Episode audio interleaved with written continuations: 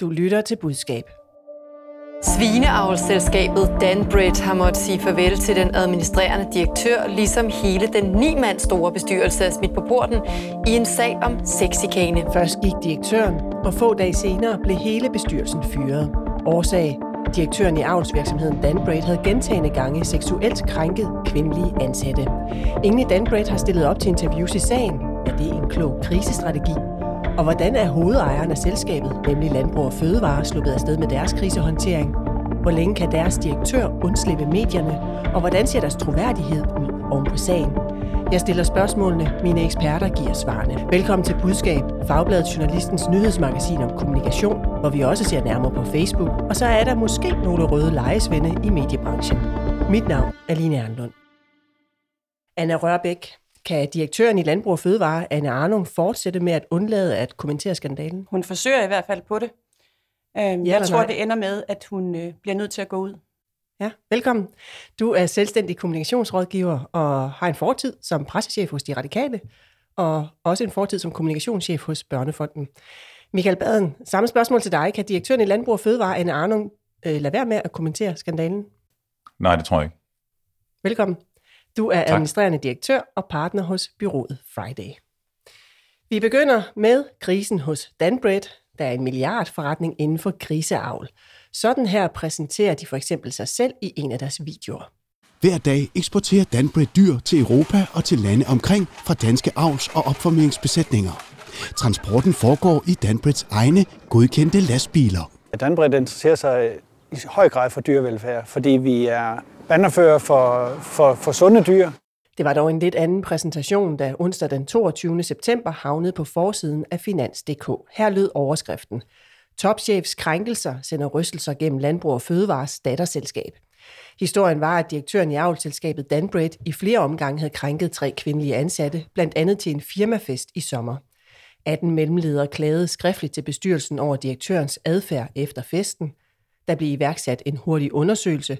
Konklusionen var, at den ni mand store bestyrelse valgte at beholde direktøren ud fra, nu citerer jeg, en helhedsbetragtning – Bestyrelsen vil dog iværksætte en række konkrete tiltag for at skabe tryghed og tillid. Hvad angår kvinderne, så blev de tilbudt en godtgørelse i størrelsesorden 25.000 til 50.000 kroner. I frustration over sagen sendte de tre kvinder et brev til hovedejerens direktør, nemlig Landbrug og Fødevaresdirektør Anne Arnung, uden at hun dog ændrede på bestyrelsens beslutning. Først da sagen ramte medierne i sidste uge, trak direktøren sig. Tre kvinder i virksomheden har nemlig klaget over topchefen Thomas Murman Henriksen, der har udvist en krænkende adfærd. Den her historie den blev offentliggjort onsdag morgen på Finans. Onsdag aften, altså samme dag, der melder Thomas Murman Henriksen ud, at han trækker sig som topchef i Danbred. Alt blev kommunikeret gennem pressemeddelelser og et par skriftlige kommentarer. Ingen hos hverken Danbred eller Landbrug Fødevare har stillet op til interview som sagen. Jeg skal også lige sige, at de har heller ikke ønsket at kommentere deres kommunikationsmæssige håndtering over for os her på budskab. Anna Rørbæk. Da vi talte sammen om det her i går, der sagde du til mig, at du er ikke imponeret over den måde, Danbred gik ud og kommunikerede om sagen på. Hvad mener du med det? På alle måder er jeg ikke imponeret. Øh, det hele det er håbløst umoderne. Øh, for mig at se, er det ikke så meget et spørgsmål om, de går ud i en pressemeddelelse, eller de går ud på nogle andre kanaler, eller om de øh, hvad hedder det, vælger at stille op til interview. For mig at se, ligger det et andet sted, at man simpelthen ikke har tænkt kommunikation ind fra starten i hvad hele sin forretning. Det? Øh, det her det er jo et ledelsesmæssigt øh, problem hos Danbred, øh, og det er et spørgsmål om dårlig governance. Øh, hvis man kigger på deres bestyrelse, sidder der ikke nogen, som har øh, anden erfaring end øh, øh, landbrugserfaring. Så det her med at se på det kommunikationsstrategiske perspektiv i en given sag, altså det der også inden for kommunikation hedder issues management, og kigge på, hvad kan den her øh, krænkelsessag have betydning for vores virksomhed i øvrigt. Det har de simpelthen ikke fået tænkt ind fra starten, så de tænker ikke kommunikationsstrategisk fra starten af. Og det ser heller ikke ud som om, at de overhovedet har tænkt på øh, betydning af øh, øh, øh, ikke at arbejde øh, mere åbent øh, øh, i den her sag her. Det er meget lukket det hele. Nu skal jeg sige, jeg ved jo ikke, hvilken rådgivning de har fået internt hos, Dan, hos Danbred, så jeg ved jo ikke, om der har været noget kommunikationsfaglig øh, rådgivning. Det, det ved du vel dybest set heller ikke, om der har det været. Det gør jeg ikke, men må jeg lige have lov til at sige det, for jeg var inde og kigge på deres hjemmeside, og der kigger man, øh, der kan jeg se, at de direktører, de for eksempel har, også i direktionen, det er nogen, der arbejder med øh, sales and solutions, supply chain and operation, og det, der minder mest om kommunikation, det er noget HR. Altså det her med, at man ikke tænker kommunikation ind som et forretningsstrategisk sæt, det ser ud som om, det er det, der har været kimen til det onde her, at man simpelthen ikke har fået håndteret det her emne tidsnok. Men hvilken forskel har det fordi gjort? man ikke har fået den kommunikationsrådgivning. Hvilken forskel Det har havde det gjort? gjort det, at de havde været mere opmærksom på i den her bestyrelse, at det her det var potentielt sprængfarligt i en samfundsmæssig kontekst. Og det er det, de ikke har forstået tidsnok, og det er derfor, det eksploderer nu mellem hænderne på dem. At de simpelthen ser ud, som om de lever i en, i en anden tid. Så en ting er, at de har håndteret sagen øh, på, på den måde, øh, men beslutningen blev truffet, som den gjorde, og det skulle så kommunikeres på en eller anden måde. Michael Baden, hvad mener du så om den måde, Danbred så kommunikerer om det på? Altså, direktøren trækker sig selv, da nyheden ligesom kommer ud, og det sker via en pressemeddelelse. Jamen, det synes jeg er sådan set er fint nok. Øhm, jeg vil godt lige også øh, lidt, som, øh, som, som du siger, Anna, altså øh, gå lidt tilbage, fordi det her, det er faktisk, altså det er, måske er den visse steder gået under radaren. Der er mange, der spekulerer i, er det det tyske valg, eller er det fordi, den kun har kørt på finans, eller hvad ved jeg. Men det er faktisk, hvis man sådan ser på det, et af dansk erhvervslivs største sådan øh, MeToo-mæssige wake-up calls, det her. Altså det er jo en fuldstændig Øh, det er jo et skybrud i bestyrelseslokalet, og du nævner selv i indledningen, at det er en historie, der starter for en uge siden. Samme dag, som den rammer overskrifterne, der trækker direktøren sig, og få dage efter, der ryger hele bestyrelsen. Det er fuldstændig uhørt, at man har en bestyrelse, der sådan bliver udrenset på dag to eller tre. Så øh, et eller andet sted, og det ved jeg så ikke noget om i detaljer, det gør vi jo ikke nogen af os her i studiet, men så har der været en gigantisk armlægning af karakterer i landbruget. Der er simpelthen nogen, der har lagt et massivt pres på systemet omkring det her, fordi det, det er en gigantisk fejlvurdering, der er sket i bestyrelseslokalet, og det er jeg synes jeg også enig med, hvad du siger. Der er jo nogle mennesker, som på en eller anden måde ikke har haft en kompetence, hvor man sidder og har den her 360-graders øh, omdømmebetragtning, som man også skal have i en bestyrelse. Og der må jeg bare sige, Nils Lunde fra Børsen har også været ude at sige, øh, at, øh, at hvis man så kigger på den nye bestyrelse, de har sammensat, Ja, det kan vi komme til. Så er det jo det samme. Der er stadigvæk de samme kompetencer, nærmest udelukkende mænd. Men Den der er dog en kvinde med. Også udelukkende, men der er en kvinde med, men hvis man kigger på deres fagkompetencer, så er det stadigvæk kun fra landbruget. Ja, men altså det, jeg hører jer sige om selve Danbred, det er, at man har håndteret sagen helt forkert, men selve pressehåndteringen, når det så endelig øh, ruller, den er egentlig i og for sig okay. Nej, det har jeg egentlig. Det synes jeg heller ikke, man kan sige, at Nej. den er. Den er ikke, Hvorfor ikke? egentlig okay. Jamen, fordi at det hele, det virker sådan øh, ukoordineret. Altså det her med for eksempel, at han får lov til at trække sig selv, det sender et dårligt signal, at han ikke er blevet gået, at han ikke er blevet fyret simpelthen, den her direktør, men han får lov til at gå ud i en pressemeddelelse og trække sig selv. Det er også et problem, at øh, den her bestyrelse øh, øh, forsvinder, øh, og så er der ikke nogen, der vil udtale sig. Så nej, jeg synes ikke, man kan sige, at det har været skønt, ej heller det forløb. Michael, Nå, men jeg synes slet ikke, man kan slet ikke tale om, at uh, Danbred uh, har nået at eksekvere nogen pressestrategi, forstået på den måde, at øh, hele bestyrelsen bliver jo sat øh, uden for døren øh, øjeblikkeligt. Og, og hvad kunne man så have gjort? Altså, det er altid svært at baglænsregne, men, men jeg tror godt, at man kunne have øh, uh, nøjes med, at det var for eksempel bestyrelsesformanden, der trak sig. At han gik ud og sagde, jeg har lavet en fejlvurdering her i forhold til at lade direktøren blive, og, og, og af hensyn til at skabe ro, så vil jeg så trække mig. Så tror jeg, at resten af bestyrelsen kunne have været siddende. Men at hele bestyrelsen bliver skyllet ud sådan her, det vidner jo også om, at der er nogen, der efter ganske få timer her, nogle andre end dem i bestyrelsen, der har, ligesom har, har svinget takstokken. ja, lad os lige høre, sagen sluttede jo ikke med direktørens afgang, som I siger. Tre dage senere, altså i lørdags, der blev hele bestyrelsen fyret, og det lød sådan her. Danbred skal have ny bestyrelse. Det oplyser erhvervsorganisationen Landbrug og Fødevare i en pressemeddelelse. Hele den ni mand store bestyrelse er smidt på porten i en sag om sexikane.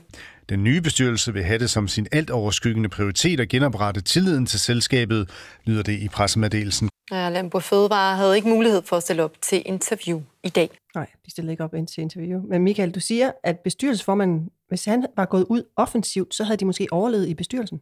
Hvordan? Må, måske ikke ham øh, som formand, øh, men, øh, men altså, han kunne sandsynligvis have afværget, at hele bestyrelsen øh, blev skyllet ud, fordi det er et helt usædvanligt træk. Og havde han lavet det knæfald og sagt, vi har lavet, øh, og det er ansvarlig for som bestyrelsesformand, vi har lavet en, øh, en dømme, altså rent dømmekraftsmæssigt har vi lavet en fejlbeslutning. Vi burde selvfølgelig have opsagt direktøren. Det skete ikke.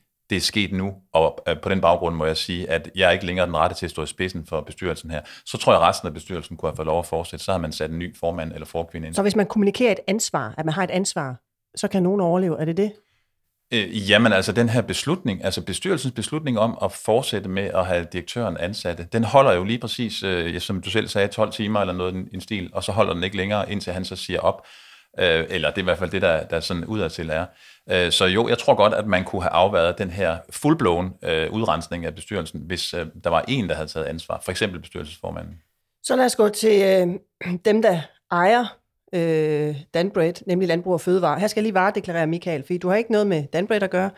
Øh, du har egentlig heller ikke noget med Landbrug og Fødevare at gøre som sådan, for du har ikke rådgivet, og dit firma har ikke rådgivet den her konkrete sag, men I har tidligere leveret rådgivning til Landbrug og Fødevare i dit firma, så det kan være, at der er noget, du ikke kan kommentere, men det må du sige til, hvis det er. Fordi Landbrug og Fødevare, de ejer 51 procent af Danbred. Øh, ud af den ni mand store bestyrelse, der var indtil i lørdags, havde de faktisk tre personer siddende her, blandt deres finansdirektør, Lars Daggaard, Øh, Landbrug og Fødevare har på ikke noget tidspunkt stillet op til interview om sagen, og direktøren Anne Arnung i Landbrug og Fødevare har gennem en uge sagt nej til interview med Finans.dk, og jeg ved ikke, om andre medier har forespurgt, men det kan jeg i hvert fald se, at Finans.dk skriver. Anna Rørbæk, Landbrug og Fødevare stiller ikke op til interviews om sagen. Vil du rådgive dem til samme strategi? Nej, det vil jeg ikke rådgive dem til. Øh, jeg kan godt se, hvorfor de ikke gør det.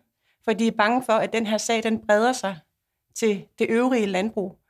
Øh, og det er også derfor, jeg tror, de har taget hele bestyrelsen og fyret dem i håb om, at, øh, at sagen så kunne slutte der, fordi der var så mange hoveder, der faldt på én gang.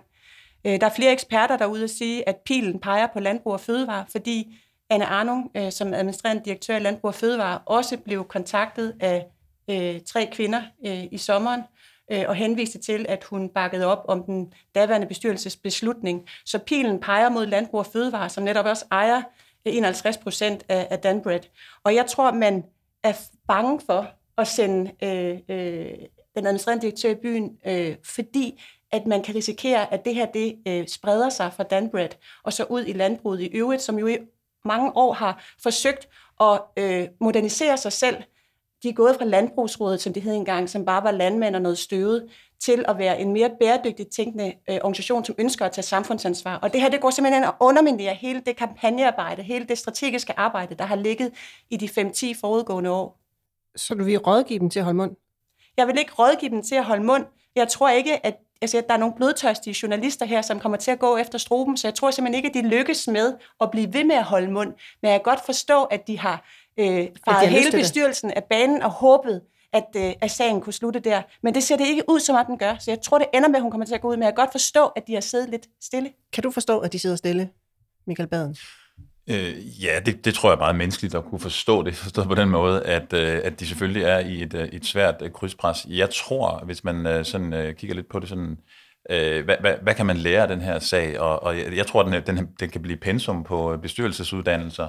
Den kan sådan set også måske blive øh, en del af pensum på, på uddannelser inden for strategisk kommunikation, fordi Øh, noget af det, jo, der er jo også er udfordringen med de her forskellige strukturer, altså når man har en hovedejer, som så indsætter en bestyrelse og sådan noget. På et eller andet tidspunkt, så kigger man altid opad. Og, og det, der sker, når, når for eksempel i starten Danbridge øh, bestyrelse ikke går ud og kommunikerer, men så er det klart, så, så kigger interessenterne, herunder journalisterne, de kigger bare og siger, når, når I ikke vil sige noget som bestyrelse, som egentlig burde være øverste myndighed, så kigger vi jo bare på jeres ejere, så spørger vi bare jeres ejere. Så, så når bestyrelsen gør det, så rent strategisk, så sender de jo presset opad, herunder lige direkte ind hos Landbrug og Fødevare. Men virker det så, at Landbrug og Fødevare ikke stiller op til interviews?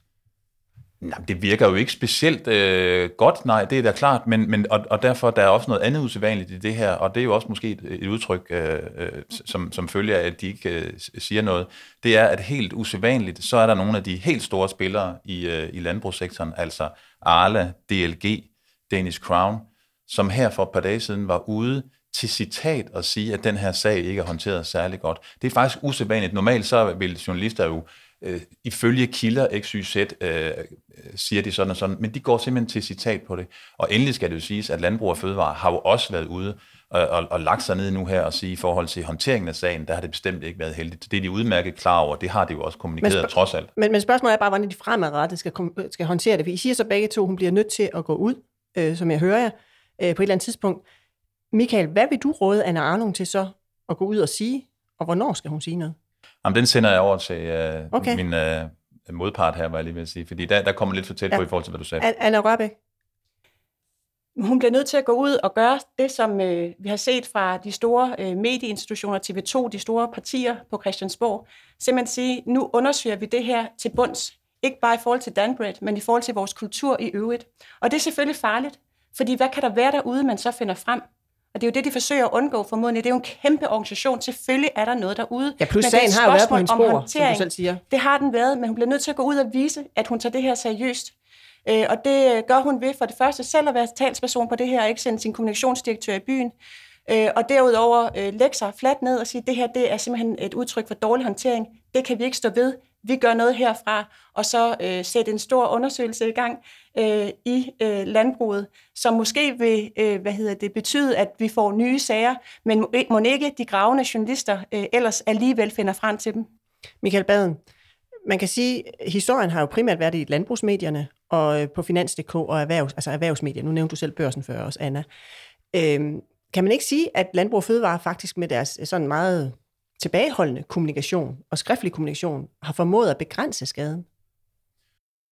Jamen, kun hvis du måler, at skaden skulle være øh, presse, altså mængden af presseomtale, og det synes jeg er for endimensionelt at se på, om det er, fordi der kan man sige, nej, men den, den har ikke måske, øh, den har jo ikke fyldt så meget som Nasser Katter-sagen for eksempel, eller Frank Jensen, eller andre MeToo-sager, slet, slet, slet ikke, og det er klart, når det kommer op på det niveau, øh, altså rent politisk, så, så breder det sig meget øh, enklere, så, eller, eller hurtigere, så, så det er klart, sådan rent øh, øh silo- eller søjlemæssigt, så, så er den blevet meget i erhvervsmedier, men skaden skal jo ikke måles i spaltemillimeter. Skaden skal måles i, at du har nogle interessenter i landbruget, som har været ude og virkelig give den, øh, altså både øh, bag, bag tæppet øh, med en helt stor baseballkølle, og så nu her endda også offentligt har sagt, det her, det, øh, det vil vi ikke finde os i, så nu må I rette op på det. Så, så der er en meget stor skade, der skal repareres, langt større end basically, hvad, hvad der har stået i pressen. Hvad betyder det for Landbrug og Fødevares troværdighed, Anna?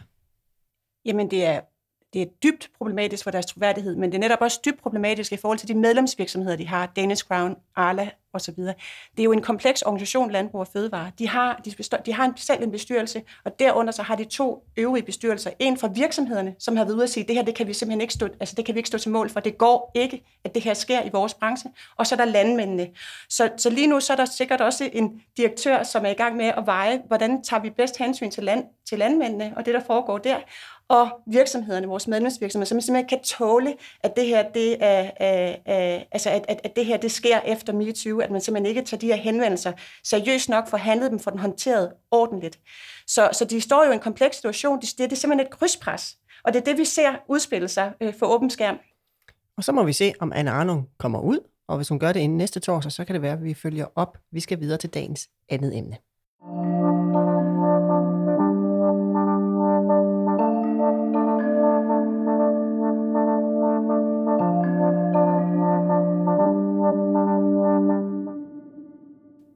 Michael Baden og Anna Rørbæk, jeg har et ja-nej-spørgsmål til jer. Har man råd til at være ideologisk som kommunikatør, når det kommer til Facebook? Michael? Nej. Anna? Nej, men jeg vil gerne sige noget mere, det får jeg måske lov til senere. Du får altid lov til at sige mere. Lad os se lidt nærmere på danskernes forbrug af det sociale medie Facebook. Kulturministeriet er netop kommet med den årlige rapport om danskernes medieforbrug, og den viser, at 90 procent af alle danskere over 12 år har en profil på mindst et socialt medie. 9 ud af 10 af dem, der har en profil på sociale medier, har en profil på Facebook. Altså, konklusionen er, at rigtig mange danskere er på Facebook, også unge. Og spørgsmålet er jo så, hvordan man skal indrette sig efter det ude i kommunikationsafdelingerne. Landets statsminister, Mette Frederiksen, har flere gange lagt afstand til tech-giganter, som for eksempel Facebook. Hun bryder sig ikke om deres dominans. Hun har blandt andet sagt sådan her på folkemødet på Bornholm. Der er en særlig udfordring med de sociale medier. Og når den udvælgelse, der ligger bag, hvilke opslag man primært ser, i virkeligheden bekræfter de holdninger, man selv har, så opstår der kun én ting, nemlig ekokammer, hvor vi primært mødes med mennesker, der ligner os selv, mener det samme, og hvor vi hver især kan blive bekræftet i det, vi også mente i forvejen. Men demokrati er jo det modsatte. Til trods for hendes kritik af Facebook har partiet alligevel brugt over 700.000 kroner på at booste opslag fra statsministerens Facebook-side, altså betale for, at opslagene når bredere ud. Socialdemokratiet er det parti, der bruger flest penge på Facebook-annoncer. Regeringspartiet har brugt lidt over 2 millioner kroner på Facebook-annoncering på partiets Facebook-side siden 15. april 2019, og det er altså også siden 2019, at der er brugt over 700.000 kroner på statsministerens Facebook-side. Det viser opslag i Facebooks annonce bibliotek. Socialdemokratiet er ikke vendt tilbage på vores forspørgsel her fra budskab. Vi vil gerne have dem til at kommentere, hvorfor de bruger annoncepenge på Facebook. Men så kan jeg jo passende gå til jer, Michael Baden og Anna Rørbæk, fordi Michael Baden, der er jo nogen, der har omtalt det her som dobbeltmoral. Altså man kan ikke lide Facebook, alligevel så lægger man penge der.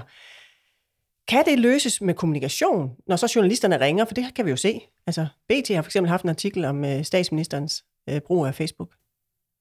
Hvad kan løses med kommunikation, mener Det dilemma, altså nogen kalder det dobbeltmoral, hvis nu jeg siger, det er et dilemma, man står i.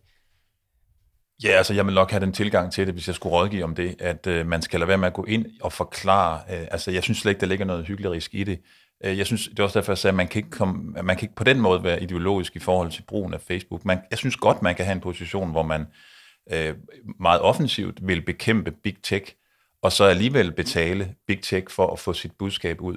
Altså det er det samme som, jeg tror også, at Margrethe Vestager, selvom hun er, er hvad hedder det, kæmper mod monopolerne, hun bruger jo også, hun slår jo også øh, op på Google kan man så heller ikke øh, sætte en annonce ind i øh, Jyllandsposten eller, eller Politikken, øh, dengang de for eksempel også tjente penge på massageannoncer, det er så stoppet for nyligt. Altså du kan blive ved med det der såkaldte kædeansvar, og så kigge hele vejen op, og til sidst er du fuldstændig handlingslammet. Jeg synes sagtens, man kan have, øh, så at sige, begge dele. Hvordan forklarer man det så, når journalisten ringer, Anna? Fordi det ved vi jo, de gør.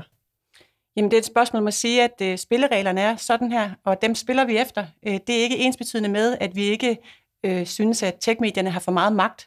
Øh, men når spillereglerne er sådan her, så forsøger vi selvfølgelig ligesom alle øvrige partier og få vores budskaber frem øh, af det her sæt. Men det er klart, det er en udfordring for politikernes troværdighed. Det svarer til også, jeg ved ikke, om I kan huske, da Karoline Magdalene Meyer fra Alternativet sagde, at danskerne skulle ikke flyve i bæredygtighedens navn, og så så man selv, at hun øh, var på nogle dykkeferie til Zanzibar osv., øh, eller Mette Frederiksen, som har sendt sin egen datter i privatskole, og tidligere øh, talte imod øh, brugen af privatskoler. Det er ikke godt for politikernes troværdighed, men man kan godt lave et beredskab, man kan godt lave en Q&A, og de er kyniske nok, de politikere og de strateger, der sidder derinde til at se Facebook som øh, noget, man bliver nødt til at gå igennem for at nå vælgerne, fordi de har den magt, de har, fordi der er så mange danskere på Facebook. Ja, vi skal have lidt øh, noget fakta ind i øh, debatten her. Jeg kan byde velkommen til dig, øh, ja, ikke fordi I ikke kan bidrage med det, Michael og Anna. Men altså, vi har vores ekspert, øh, vi bruger her i sociale medier. Det er øh, dig, Markus Stolse. Du er til daglig rådgiver hos Operate. Velkommen til Budskab. Mange tak, og hej ind i studiet. Du er med på en telefon. Vi skal lige låne din ekspertise lidt, Markus, fordi spørgsmålet er jo, om man overhovedet kan bedrive kommunikation på Facebook, hvis man ikke samtidig lægger annoncekroner. Altså, så opslagene når længere ud. Det er også det, der hedder at booste dem, så vidt jeg ved. Kan man det, hvis man spørger dig? Ja og nej. Det, det, kan man, det kan man jo godt, øh, hvis man i forvejen har en side, for eksempel, som har et stor, en stor rækkevidde. Det kan vi jo se på altså et rigtig godt og meget nyttigt eksempel. Det er jo Lars Lykke, øh, en person, som jeg øh, beskriver som en, der har en enorm stor digital kapital. Altså han kan nå rigtig langt ud og få folk til at skabe konverteringer i form af vælgererklæringer, som det nylige eksempel, vi har set, ved ren organisk øh, øh hvad hedder det, kommunikation på Facebook. Men hvis du er en, en, en relativt ny organisation, som har en lille organisk rækkevidde, så får du enormt svært ved at komme ud med dine budskaber, uden at bruge nogle penge på Facebook. Hvad kan man så opnå, hvis man, hvis man booster, altså hvis man bruger penge på ens opslag? Jamen, så kan man få rækkevidde, man kan få klik til sin side, man kan få videovisninger, kort fortalt mere eksponering øh, for at kaste nogle penge i kassen hos Facebook. Hvad betyder det omvendt? Altså hvis man så vil vælge den organiske model, altså man tænker, jeg kan ikke lide Facebook, jeg har ikke lyst til at lægge penge derover, de kan få mine data ved at jeg er her, men de kan ikke få mine penge. Hvordan virker algoritmerne så? Ja, men altså, man kan sige, at hvis du ikke bruger penge, så, så, så betaler du også bare med noget andet. Det er jo den klassiske. Så betaler du med noget, med noget data eller, eller noget viden omkring din virksomhed eller dig som privatperson. Så det er jo ikke gratis, uh, uanset om du kaster penge i Facebook eller ej, at være på Facebook. Uh, men sådan som algoritmerne virker, uh, det er jo, at at for at kunne nå bredt ud organisk, øh, i det øvrigt også betalt, øh, hvis du vil have succes fra din betalte annoncering, så skal du lave noget indhold, som der skaber noget interaktion. Men noget af det, som Facebook prioriterer særligt højt for tiden, og som de har gjort siden cirka 2018, det er det, de kalder for meningsfulde interaktioner. Og meningsfulde interaktioner, det er, øh, når øh, du, Line, for eksempel øh, hvad hedder det, skriver en kommentar til et Facebook-opslag, og der så er en af dine venner, som der skriver et svar på din kommentar, og så pingponger I frem og tilbage. Det kan Facebook-algoritme rigtig godt lide for tiden, øh, og det er også derfor, vi ser, at for eksempel øh, opslag, som har et element af forarvelse over sig, performer ekstra godt på Facebook. Det er fordi, at det er sådan noget, der vækker debat og får folk til at skrive kommentarspor. Bliv lige hængende, Markus. Vi går lige til panelet her, fordi Anna, nu spurgte jeg jo indledningsvis, om man kan være ideologisk. Altså, om man har råd til at være ideologisk som kommunikatør. Der sagde begge to nej, men du sagde, at du gerne vil have lov til at uddybe, så jeg tænker, der kommer en nuance på det. Hvad mener du med det?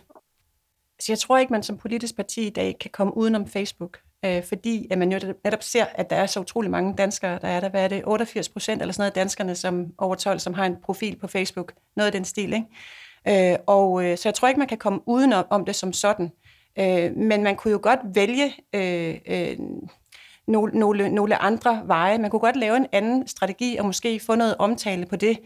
Øh, men jeg vil sige, det er nok svært, og det var også derfor, jeg endte med at svare nej. Men man kan jo godt sige, at vi vil simpelthen ikke. Øh, og så lave en anden kanalstrategi, som er båret af noget andet. Øh, men, øh, men det er nok svært, sådan som, øh, som, som, som, som rammerne er i dag. Markus, øh, du, du sagde lidt noget af det samme, som Anna siger her. Man kan godt vælge et alternativ. Du snakker om, man kan kommentere dernede. Hvad er alternativet, hvis man sidder af ideologiske årsager og ikke har lyst til at annoncere på Facebook? Jamen, hvis man har samme ideologiske standpunkt som for eksempel regeringer omkring tech-giganterne, øh, så skal man jo øh, tage alle sine penge og kaste dem ud i lokalaviserne for eksempel. Altså, men jeg har bare rigtig, rigtig svært ved at forestille mig, at det er noget, de har tænkt sig at gøre, øh, fordi det er dyrere, øh, det er mindre effektivt, og du har enormt svært ved at måle, hvem du rammer, øh, og hvor mange gange du rammer. Øh, så, så jeg tror simpelthen ikke, det kommer derud. Det har jeg meget svært ved at forestille mig. I, I din rådgivning, hvad er det så for en virkelighed, du siger til virksomheder, organisationer og politikere, at de ser ind i i forhold til Facebook og annoncering? Jamen, virkeligheden er, at, at hvis, særligt hvis du er en mindre upcoming øh, organisation, øh, så kan du ikke være på Facebook uden at bruge penge. Øh, det er naivt at tro, at man kan bygge en Facebook-side op, uden at bruge nogle penge på det, altså kaste annoncekroner ind i Facebook. Fordi det er blevet sværere og sværere år for år at bryde igennem Facebooks algoritme og nå bredt ud ved ren organisk tilstedeværelse. Når du siger penge, hvad, hvad, hvilken størrelsesorden taler vi om? Nu sagde jeg, at Socialdemokratiet havde brugt øh, var det 2 millioner øh, på, på, på lidt over to år, øh, og, og statsministeren der har brugt cirka 700.000 på hendes øh, side mm. i samme periode. Jamen altså, man behøver ikke engang at bruge særlig mange penge på Facebook for at nå bredt ud. Det er derfor, at Facebook er et godt medie, og det er derfor, vi kan se uh, i rapporten fra Kulturministeriet, at deres uh, hvad hedder det, andel af annoncekagen, den bare stiger og stiger og stiger fra år til år. Det er simpelthen, fordi det er billigere og du kan nå meget bredt ud. Så altså for de 700.000 kroner, som, øh, som der for eksempel er blevet brugt fra Mette Frederiksens øh, Facebook-side, altså det er jo mange, mange millioner visninger, øh, vi taler om her. Øh, så for et langt mindre budget kan du også nå rigtig bredt ud og få en god tilstedeværelse. Og du kan bruge de penge smart, så du rammer de målgrupper, som er interessant for dig som organisation. Så kunne jeg få noget ud af på 10.000 kroner i budskabs, øh, hvis vi lægger noget ud på Facebook? Ab- absolut, det vil du. Øh, jeg tror, at øh, hvis, øh, som budskab vil jeg nok bruge mine penge et andet sted, måske på LinkedIn. Det, har, det, er, det er et sted, der, der er i høj vækst lige nu og har nogle rigtig gode muligheder, som Facebook ikke har. Men, men, men Facebook vil også være et godt sted at annoncere, det er klart. Markus Stolse, tusind tak, fordi vi måtte låne din ekspertise. Så, så smider jeg lige tilbage i panelet her, fordi Michael, du sagde også indledningsvis, at man har ikke råd til at være ideologisk, når det kommer til Facebook. Hvad rådgiver du? Øh, nu ved jeg godt, det er ikke dig, der sidder sådan specifikt med Facebook-annoncering hos jer, men altså, hvad, hvad, hvad lyder jeres rådgivning til kunder? Omkring Facebook? Eller, ja, ja Facebook-annoncering. Altså. Nu siger Markus det også lige med, med LinkedIn. Det er faktisk øh, det er mere der, vi, vi kigger over, fordi øh, som han også lige sagde, så, så er der sket en ret kraftig vækst der, og det man har kunne se, har været, at muligheden for at få en såkaldt organisk vækst, øh, eller reach, som det populært hedder, øhm, er større på LinkedIn. Altså simpelthen, hvis du laver godt indhold, og hvis de især er drevet omkring øh, personer, og ikke så meget virksomhedssider. Og, og det er i hvert fald den, den allerførste rådgivning, vi giver til vores kunder, det er, glem de der øh, company pages, altså virksomhedsprofiler på LinkedIn, de er uinteressante også for LinkedIns uh, algoritme. Det skal være uh, de beslutningstagere eller de mennesker, der er i organisationen, det skal være deres profiler, som ligesom er omdrejningspunkt for historier på LinkedIn. Så det er sådan vores hovedregel og vores hovedfokus, uh, der hvor vi er nu. Og men nu ved jeg ikke, hvad for nogle kunder I, I sidder med i, i dit bureau. Det er men det dybt lyder, Det lyder også som om, at det er samfundskunder, altså som måske øh, hvad hedder det, øh, har nogle erhvervssnakke eller lignende og ønsker at nå nogle beslutningstagere, måske, eller nogle journalister. Jeg tror, hvis man sidder og arbejder mere med forbruger, øh, øh, området og gerne vil afsætte nogle produkter, et par nye sneakers eller lignende, så er man måske mere til stede øh, på Facebook og øh, op imod LinkedIn. Så det er jo også et spørgsmål, der vil kigge på, hvad er det for en målgruppe, vi ønsker at nå øh, med øh, vores produkt eller vores øh, øh kommunikation. Øh, og, og, og på den måde så øh, enten vælge Facebook, Instagram, øh, LinkedIn, Twitter, hvad det end kan være. Ikke? Øh, men, øh, men, men netop Facebook øh, er mere forbrugerrettet. Vi runder ned fra Facebook-snakken her, og så var det altså Markus Stolse, der er rådgiver til daglig i Operate, vi havde med øh, omkring alle de her detaljer, der er at vide om Facebook.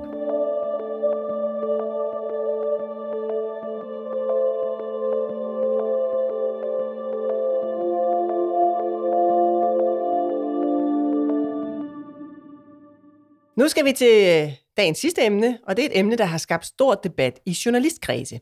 I denne uge har Berlinskes koncernchef Anders Krab Johansen tweetet om en ny undersøgelse, og det har skabt røre.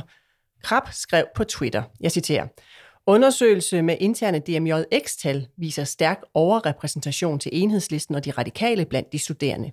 Det er skidt for mangfoldigheden i dansk presse. Håber ledelse og underviserne vil rette op på skævheden. Og han uddybede i P1 morgen. Jeg synes, det er et problem, at der er for mange journalister, der arbejder ud fra sådan en storby, øh, venstreorienteret, halvvenstreorienteret øh, udgangspunkt, og at vi har en for dårlig repræsentation af folk, der bor øh, længere ude, ude i, i provinsen, mm. folk, der har mere, hvad skal man sige, traditionelle holdninger. Ja, jeg skal måske lige tilføje, at det er en intern undersøgelse fra DMJX. DMJX, det var det, der i gamle dage hed Journalisthøjskolen. Øh, og den undersøgelse blev så i første omgang offentliggjort af det borgerlige netmedie Kontrast. Øh, undersøgelsen viste blandt andet, at 24,3 procent vil stemme på enhedslisten, 21 procent på de radikale, 14 procent på SF, og for eksempel vi 0,5 procent stemme på Dansk Folkeparti. Vi ser på kommunikationen her, og Anders Krabs kommunikation. Anna Rørbæk, han var jo den eneste mediechef, der sådan ret hurtigt var ude markant på den her nyhed, og det synes du faktisk, han gjorde ganske godt. Hvorfor synes du, han leverede god kommunikation? Altså, vi tænker Twitter i første omgang, ikke? Jeg synes, det er super stærkt af ham. Øh, det er et eksempel, øh, jeg ved ikke, om han vil være ved det, men det er et eksempel på CEO-aktivism. Hvad er det? Det er simpelthen, at øh, topchefer går ud og har en holdning, som på en eller anden måde støtter op om det, som virksomheden også står for. Anders Krab er jo kendt for at være liberal. Han har skrevet liberale bøger, har liberale holdninger. Han er koncernchef i et borgerligt mediehus, en koncern, Berlingske Medier, som har borgerlige medier. Øh, det er helt reelt i mine øjne, at øh, han går ud og har den her holdning, øh, fordi den flugter med det, han i øvrigt står for. Jeg synes, det er lækkert, at man kan mærke ham. Det er lækkert, at man får en fornemmelse af, hvor Berlingske Medier som koncern også i øvrigt står i billedet. Øh, og jeg synes at derudover, at han har en pointe, og det har DJMX også ved at sige, at ja, vi kigger på vores optag, fordi diversiteten er vigtig. Og det er faktisk det, der fører os tilbage til Danbred også. Diversiteten er vigtig at have med, for at vi, kan få, for, for at vi ikke går rundt med skyklapper når vi arbejder eksempelvis journalistisk, som i det her tilfælde. Så masser af rosende ord for dig til Anders Grab Johansen. Michael Baden, du var ikke så imponeret, da vi Nej. talte sammen i går. Nej. Hvorfor ikke? Men du er også journalist, ikke? Jo, det er Det er måske derfor. Det kan godt være. Hvad du føler dig måske krænket? Jamen, jeg tror, at journalister føler sig krænket over deres objektivitet. Altså, kommer du, Anders Krab, og siger til os, at, at jeg ikke er objektiv, når jeg dækker en eller anden journalistisk øh, historie, er det det, det fordi om, jeg øh, stemmer rødt er det det, det handler om, Michael Baden? Jeg sidder med et stort smil på her og føler mig absolut ikke krænket. Nej. Nej, jeg kigger på, hvad Anders øh, Krab går ud, øh, og måden han gør det på i tweetet først og fremmest. Nu læste du tweetet ja. op. Og så tænker jeg, altså jeg satte simpelthen popcorn over med det samme, da jeg så det der tweet, fordi nu eksploderer Twitter, og det, øh, så fulgte jeg med i det. Og så synes jeg faktisk bare, at der var to problemer med Anders Krabs øh, kommunikation. Den ene var, hvordan han svarede de forskellige, øh, der, der sådan oprigtigt spurgte, hvad skal ledelsen gøre ved det? Han blev fornærmet. Øh, han sagde, jeg havde troet om dig, at du kunne læse indad, men det kan du åbenbart ikke. Dumt spørgsmål og sådan nogle ting. Altså sådan nogle ting skriver han ind i Twitter-tråden. Det synes jeg er super uheldigt for en koncernchef, som i øvrigt taler om øh, mangfoldighed og pluralisme, også i meningerne. Det synes jeg er det ene problem. Så sker der det, da han kommer i P1, det her vi hører lidt klippet fra, øh, der bliver han jo også konfronteret med det her med, øh, om ikke journalister, altså om vi, om vi skal passe på, men vi ikke går ind og og kigger på, hvad for et, et, et politisk tilhørsforhold man har som journalist. Og pludselig handler det ikke længere om det, men det handler om mangfoldighed. Og det synes jeg bare ikke, man kan måle ud fra, hvordan folk stemmer, fordi mangfoldighed er mere end politisk mangfoldighed. Så udgangspunktet for hans kritik, det er den her måling på anden semester eller tredje semester på Journalisthøjskolen. Og det her, undskyld mig, det er sådan en gammel traver. Altså, den kommer år efter år. Det bliver september, det bliver koldere, aktierne falder, og de borgerlige er ude og kalde. Men derfor kan det godt være en vigtig dagsorden. Jamen, det, er, det, det, det kan det godt være, men, men det er bare to forskellige dagsordner, fordi det her, du kan ikke måle, synes jeg, mangfoldighed i, i, i, i grundsyn, kan du ikke måle på, hvordan man stemmer på anden semester eller tredje semester på Journalisthøjskolen. Og så synes jeg, og, og det synes jeg også går op for Anders måske i interviewet her, og pludselig handler det jamen, selvfølgelig ikke om berufsforbud og alt muligt andet. Og så er der et andet problem. Når han gør det som øhm, koncernchef og CEO-aktivisten, som du sagde, så synes jeg, at han bringer en bombe direkte ind i, øh, i Berlingskes øh, troværdighed øh, og generelt mediernes troværdighed. Fordi der må ikke være en opfattelse af øh, i, i, i Danmark, at det her med at være journalist, det er, at man bringer en eller anden form for, for grundidé hos udgiveren videre i journalistik. For det er jo lige præcis det, der er kernen i journalistik, det er den her tilstræbt objektivitet, som det er redaktørernes ansvar at sikre, at vi ikke går og siger, du skriver også bare sådan, om det her, fordi du er på den avis og så videre. Så, så vil hele troværdigheden og tilliden til mediesamfundet vil fuldstændig bryde sammen. Og der, det synes jeg er ærgerligt. Der er mange andre her. Anna, lad os starte med den sidste. Altså den, der handler om, at Anders Krabbe i virkeligheden med sin kommunikation skader hele branchens troværdighed, som jo i forvejen øh, ligger nede omkring brugtvognsforhandlerne, nederst på den der liste, der kommer en gang imellem. Og politikere. Og politikere. Ja, hvad siger du det, Anna? Jamen, jeg synes, det handler meget om journalisternes eget selvbillede. Altså den der øh, selvforståelse, journalister har af, at øh, vi øh, rapporterer objektivt. Øh, og, og, øh, og, og derfor synes jeg, jeg synes, det er helt reelt, at man rejser spørgsmålet om, øh, øh, optager vi det rigtige, ikke bare på politisk overbevisning. Det var så det, der var afsættet. Det var det, der var afsættet for det her. Jeg synes, det er helt reelt, at han så undervejs også begynder at brede det ud til diversitet i øvrigt, til mangfoldighed i øvrigt. Jeg synes, det er en spændende diskussion, og det er jo også en, som de på øh, Journalisthøjskolen er opmærksom på, at man netop skal have den bredde den her diskussion udspringer så af det politiske, men lige nu sidder vi jo også, eller sidder de jo også og taler om, at man skal have netop bredde på etnicitet, på geografi, på det hele, og det er en diskussion, som vi skal have ud at leve i samfundet i det hele taget. Men Anna, skader Anna, Anna. kommunikation troværdigheden for branchen? Det er det, der er spørgsmålet. Jamen, der vil jeg sige, der vil jeg smide den tilbage til det, du sagde. Altså, den troværdighed, den er jo ikke særlig høj i forvejen. Så nej, jeg tror ikke, at det er et problem, at journaliststanden selv rejser den diskussion, fordi at de øvrige derude, danskerne, synes netop, at journalistens troværdighed er lav som en brugvognsforhandler. Så jeg synes, det er vigtigt, at man også øh, begynder at kigge på sig selv og tør stille sig selv de øh, tabubelagte spørgsmål. Er der noget om snakken? Jamen, jeg, enig. Altså, jeg, jeg er da også fortaler for mangfoldighed. Man kan sige, jeg synes bare, at der er simpelthen ikke... Jeg synes, det er et forkert udgangspunkt at sige, at den mangfoldighed er problematisk ud fra en måling, der handler om, hvor du stemmer i øvrigt så er optagelsesprøve på Journalisthøjskolen, den er jo anonym. Der er nogle få samtaler. Men... Ja, men hvordan er den sammensat, den optagelsesprøve? Skulle den være skruet anderledes sammen? Det, det må man gerne kigge på. Men, men jeg synes, Anders Krab som koncernchef, i øvrigt den gamle besætter, det er lidt sjovt uh, i forhold til uh, skiftet fra gamle besætter og så til uh, udgiver for en borgerlig avis, men det er en anden snak. Men, men han kunne jo kigge på sin egen mangfoldighed. Lad os gå ind og kigge på uh, Berling, Me, Berlingske Medias ledergruppe. Der er 11 i den øverste ledergruppe. 9 midalderne hvide mænd og to kvinder. Altså, come on, Anders Krab, start med dig selv. Men, men derfor kan han vel godt rejse en debat, kan han ikke det? Altså det er det, hvis vi taler om hans kommunikation han, er god han, eller dårlig. Han må gerne rejse en debat. I, tilbage til mit udgangspunkt, det er, nu kigger vi på, om han rent budskabsmæssigt rammer skiven. Det synes jeg ikke, han gør. For det første starter han en debat, som han ikke vil gå ind i. Altså folk spørger oprigtigt, hvordan skal ledelsen så gøre det? Altså du opfordrer ledelsen til at gøre noget ved det her, og det kan han ikke komme med noget fornuftigt svar på, så begynder han at blive fornærmet. Nummer to, det er så, at så skifter det undervejs fra, at det er rent politisk, altså en, en politisk måling omkring politisk overbevisning, til at tale om mangfoldighed. Og det synes jeg bare er to forskellige ting. Man må gerne kigge på optagelsesprøven. Man må gerne kigge på uddannelse. Det er fint nok. Jeg synes bare ikke, han kører den igennem argumentationsmæssigt og budskabsmæssigt. Anna, den pointe fra Michael, altså det her med at CEO-aktivism, så går du ud på noget, men så har du ikke selv svarene i virkeligheden. Hvad siger du til hans øh, kritikpunkt der? Altså, at så fejler han kommunikationsmæssigt, fordi han ikke selv har nogen svar, han kan levere. Jeg synes, det er helt reelt, at man rejser en dagsorden, når man ikke nødvendigvis har svarene, men man ønsker i fællesskab at finde frem til nogle nye løsninger. Det synes jeg er helt reelt. Jeg synes faktisk, det ville kortslutte det hele lidt, hvis det var, at han havde svarene. Det ville da være kedeligt. Jeg har set en problemstilling, siger han. Jeg har også løsningen på den. Det synes jeg, der er en underlig samtale. Jo, men jeg siger da ikke, at han skal have endelig svar, men, men altså folk spørger ham, kan du komme med nogle bud på, hvad, hvad, altså han opfordrer ledelsen til at gøre noget. Så er der nogen, der siger, hvad kunne ledelsen gøre? Helt oprigtigt Øh, altså den demokratiske samtale, som vi i øvrigt savner nogle gange på Twitter, at folk ikke sætter Twitter i brand med det samme, eller bliver krænket. Altså, han har, ikke, han har ikke engang en retning, og så begynder han at sige, du kan ikke læse indad, og Men skal man have det, Michael, hvis man sætter et budskab ud af den debat, man ønsker at rejse, skal man så også samtidig give nogle svar for, at det er vellykket i dine øjne?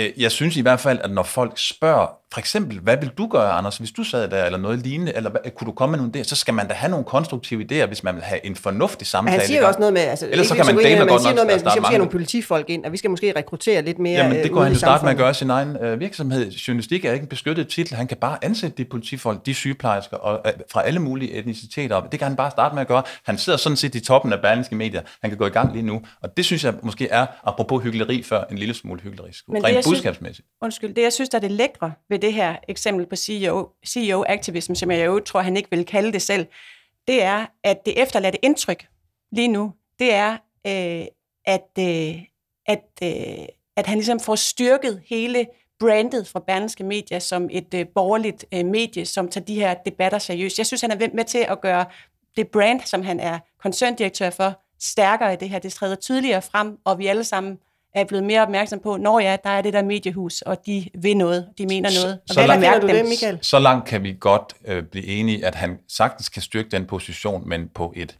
sådan rent fagligt set, synes jeg, og budskabsmæssigt set, på en doven øh, måde, rent argumentationsmæssigt. Så lad mig runde af med Anders Krab Johansen. Vi har jo lige været i kontakt med ham for at spørge, om han vil kommentere sin kommunikation over for os, og han har skrevet tilbage til os i en sms, at, jeg citerer, jeg mener, hvad jeg siger, så enkelt er det. Anna Rørbæk, du er selvstændig i Rørbæk Kommunikation. Tak for dagens gode råd, og også tak til dig, Michael Baden. Du er partner og administrerende direktør i byrået Friday. Og jeg mener også, hvad jeg siger. Og Anna, du Så sidder er bare og smiler.